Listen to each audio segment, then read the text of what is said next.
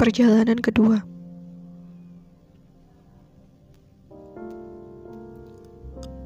Orang-orang bilang memulai itu lebih mudah daripada mempertahankan.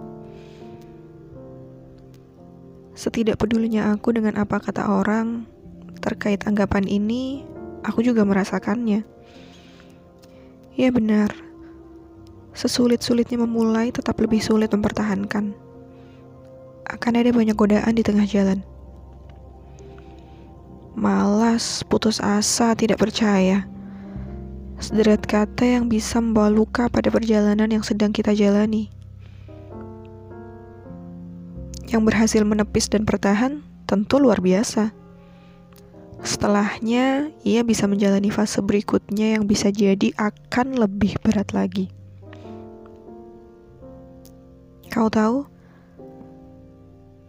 satu-satunya cara adalah tetap berjuang, tetap bergerak on the track, dan selalu menengadahkan tangan mengais pinta penguatan pada yang maha menguatkan.